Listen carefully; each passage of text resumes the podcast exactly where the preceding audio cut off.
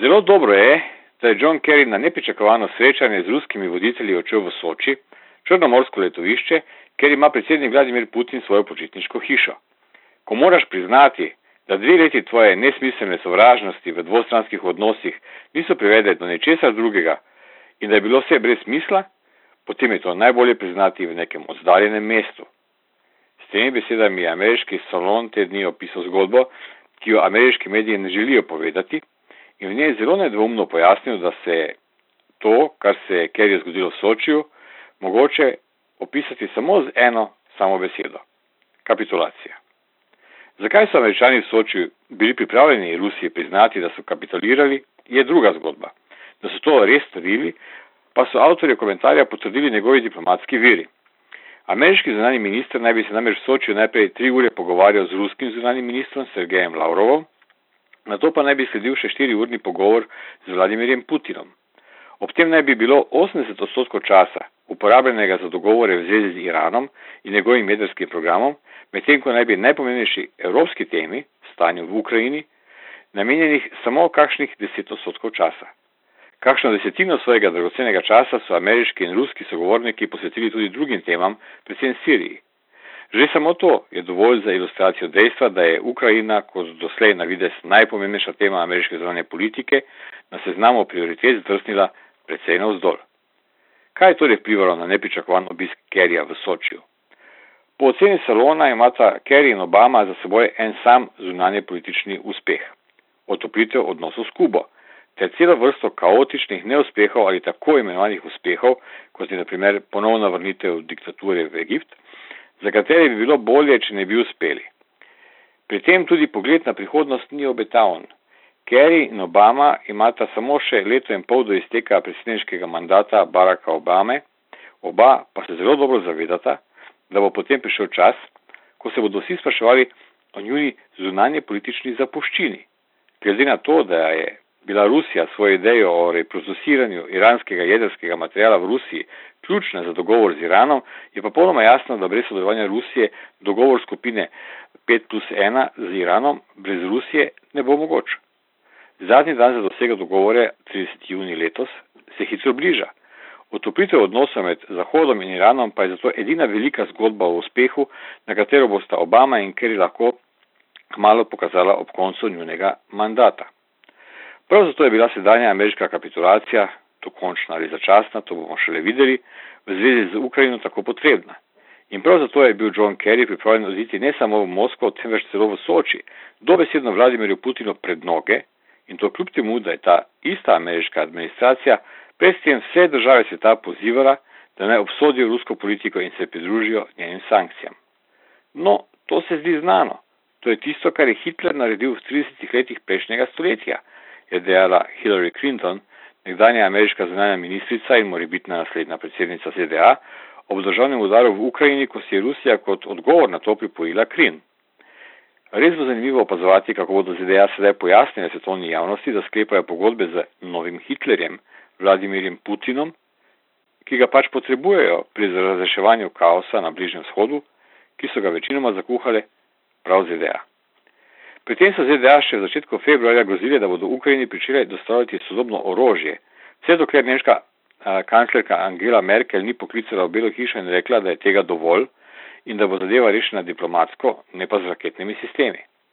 Ne glede na to, pa so še vse do konca aprila zahodni mediji, kot piše Patrick L. Smith v salonu, ponavljali ostre obtožbe visokih predstavnikov ZDA in evropskih držav o ruski agresiji v Ukrajini, nespoštovanju mednarodnega prava in podobno. ZDA so vsemu svetu teatralno sporočili, da so pravzaprav pripravljeni sprožiti celo jedrsko vojno in na meje z Rusijo poslati svoje tanke, samo da bi Ukrajino iztrgali iz njene zgodovine in jo postavili v liberalni rastlinjak vazalnih držav, ki so obsojene na svojo slabotnost prav zato, ker so bile zavedene s fantazijami o tem, da se prebivalci Ukrajine lahko rešijo pred svojo zgodovino, piše Salon. Prav zaradi tega je večina zahodnih politikov, med njimi pa je bil tudi naš predsednik Boris Pahor, stisnila rep med noge in je pod medijsko kanonado zahodnih občil zavrnila povabilo na sodelovanju na ruski paradi ob 70. obletnici zmage nad nacifašizmom v Moskvi. Kerjeva sedanja kapitulacija kaže, da je bilo to ravnanje napačno. še posebej za tako majhne države kot je Slovenija. Sestanek med Kerjem, Putinom in Lavrovom dokazuje, da se bodo velike sile zmeraj znali dogovoriti in da se bodo tudi zmeraj dogovarjale.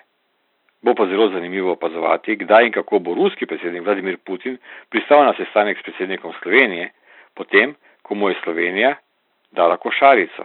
In v Moskvo, pa niti ne na parado, pač pa na nekakšno postopanje na okoli, poslala svojega zunanjega ministra in ne predsednika države, ki je bil tja povabljen.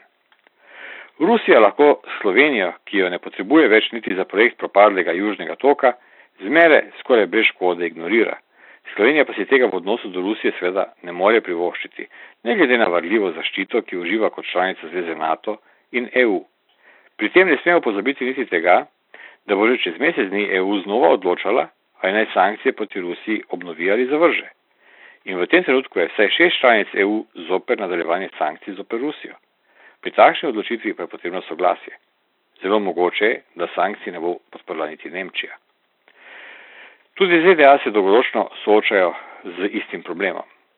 Pot do ameriške varnosti, kot je nedavno opozoril ameriški zgodovinar Steven F. Cohen, namreč še zmeraj poteka skozi Moskvo. Ne obstaja niti eno veliko regionalno vprašanje, povezano z nacionalno varnostjo, ki ga lahko rešimo brez polnega sodelovanja s tistimi, ki sedijo v Kremlju, ne glede na to, kdo to je in pika konec zgodbe. Imenujte svoj problem. Pogovarjamo se o Bližnjem shodu, Afganistanu, o energiji, podnebnih spremembah, omejevanju dostopa do jedrskega orožja, terorizmu, sestreljevanju letal z neba ali pa o dveh bratih teroristih v Bostonu, upozarja eden od najboljših poznavalcev Rusije v ZDA. Zmotil se je samo glede ene podrobnosti. Pot do ameriške varnosti očitno več ne poteka skozi Moskvo, pač pa skozi Soči.